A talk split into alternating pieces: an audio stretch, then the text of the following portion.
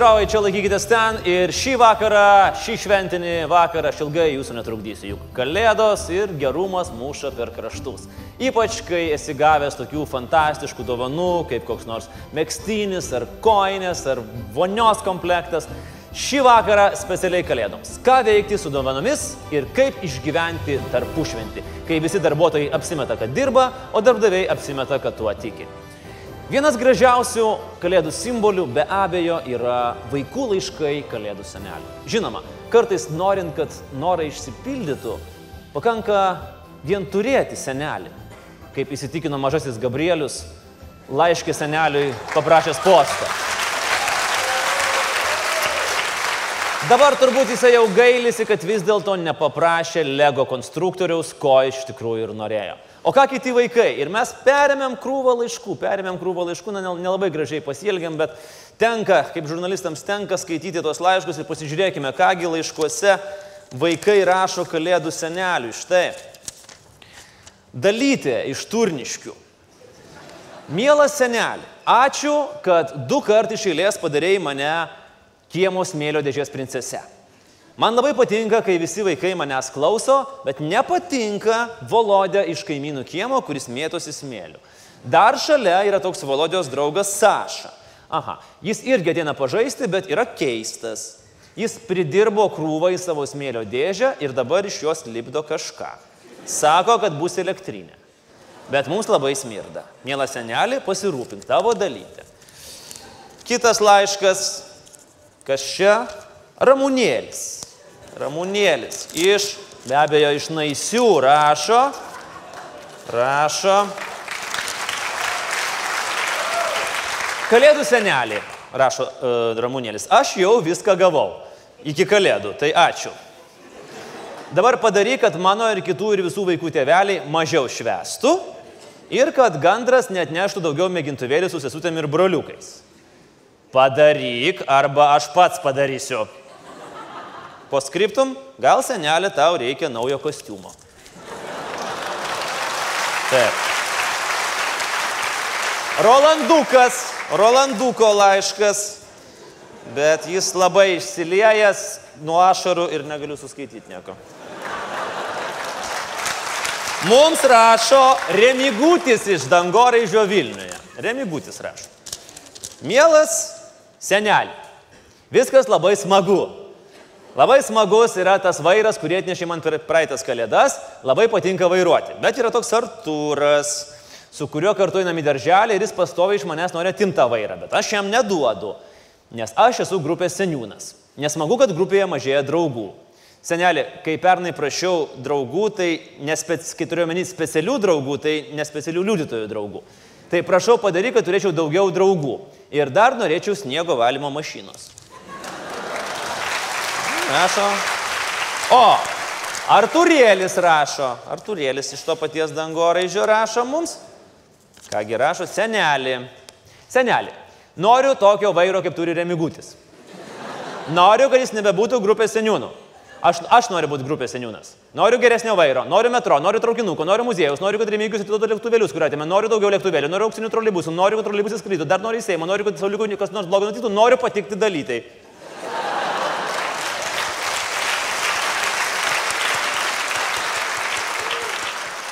Šitas vaikas toks truputį hiperaktyvus atrodo.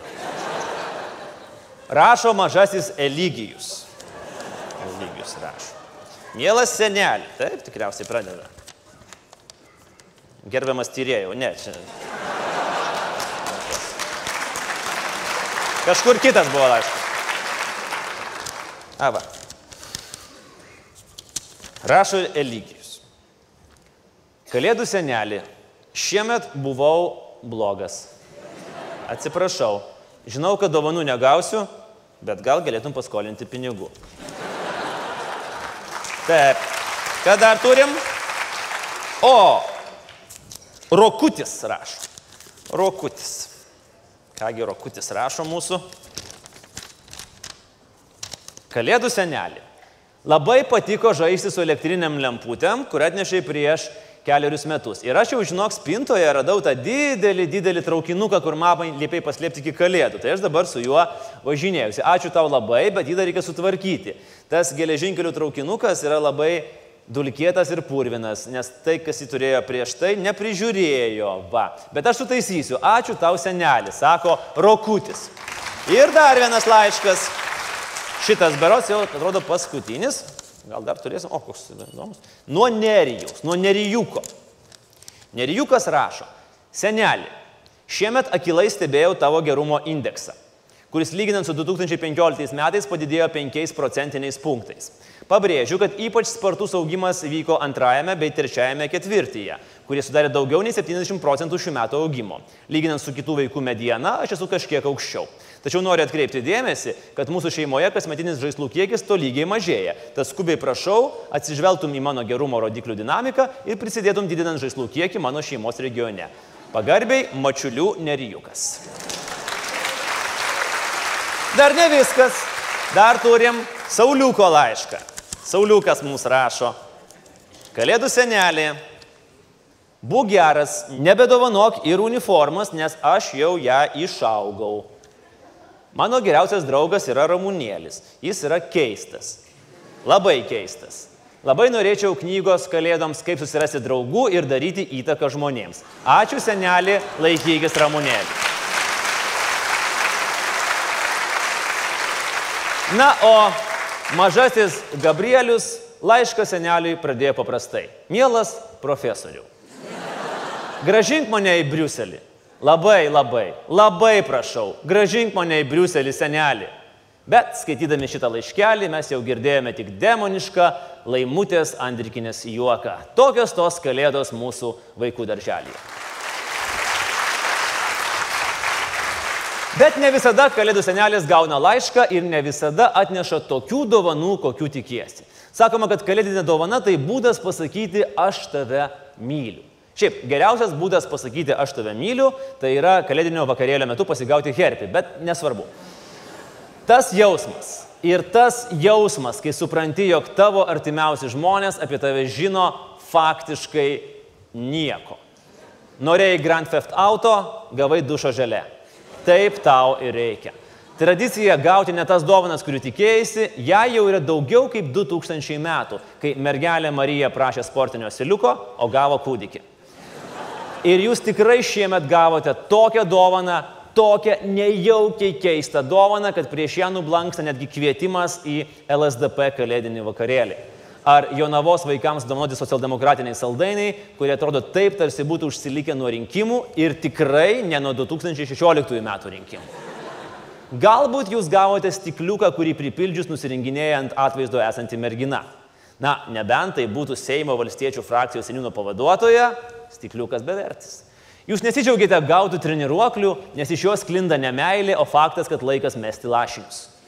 Jūs nesidžiaugite neplanuotų pigių avialinijų bilietų, nebent esate Jūsas Tatkevičius ir atėjo metas emigruoti. Nesidžiaugsite ir šių metų kalendoriumi, nebent esate valstybės žalesis ir norite šiuos metus išgyventi dar kartą.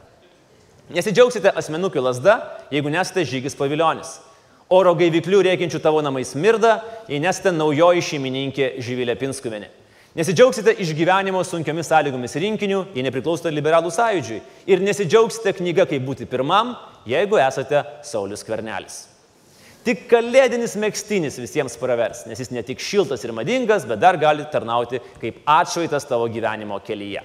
Ką daryti su tokiamis dovanomis?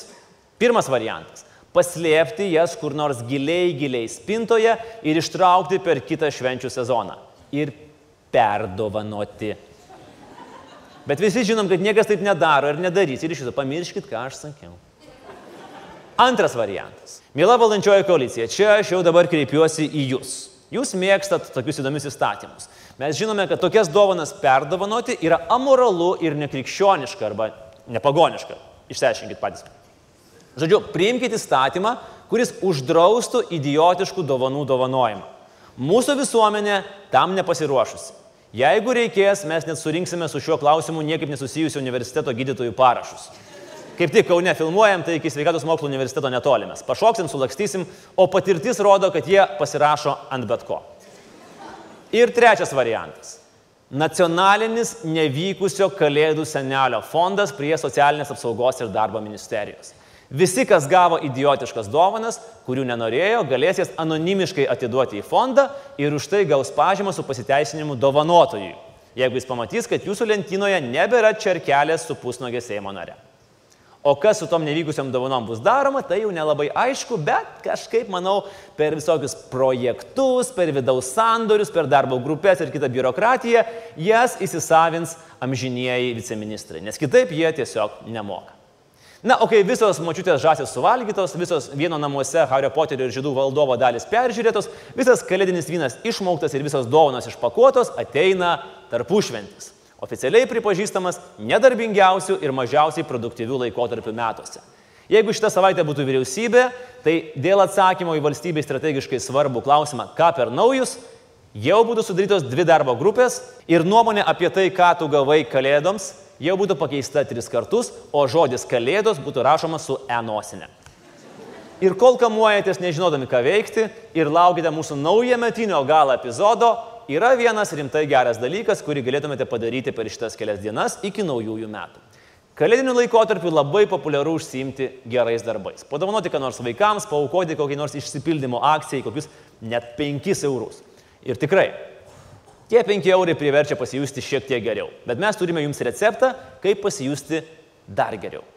Jeigu kiekvienas iš mūsų skirsime bent po valandą, bent po dvi valandas per savaitę tam, kad užsimtume kokią nors visuomeninė veikla, Lietuvoje bus mažiau vienišų senelių, bus mažiau apleistų vaikų, skurstančių žmonių ir galų galę nuskriaustų ir neprižiūrėtų gyvūnų. Skirkite dabar šitas kelias dienas, sėdėjime prie Facebook'o, prie kompiuterio tam, kad atsakytumėte savo į klausimą, ar keiksiu valdžią ir lauksiu, kol jį kažką padarys, ar pats imsiuos veiksmų, kad visuomenė, kaip ir gyvenimas mūsų valstybėje, pasidarytų bent šiek tiek geresnis. Išsigūglinkite kokią nors organizaciją, prie kurios veiklos jūs galėtumėte prisidėti. Tegul tai būna jūsų kitų metų pažadas savo. Pradėkite po truputį užsimti visuomeninę veiklą ir tada po metų galėsite garsiai pasakyti, kad aš tikrai kažką padariau, kad Lietuvoje gyventi būtų geriau. Su tuo pasveikinkim save, vieni kitus ir mūsų jauną demokratiją. Gerų jums švenčių ir tarpušvenčio.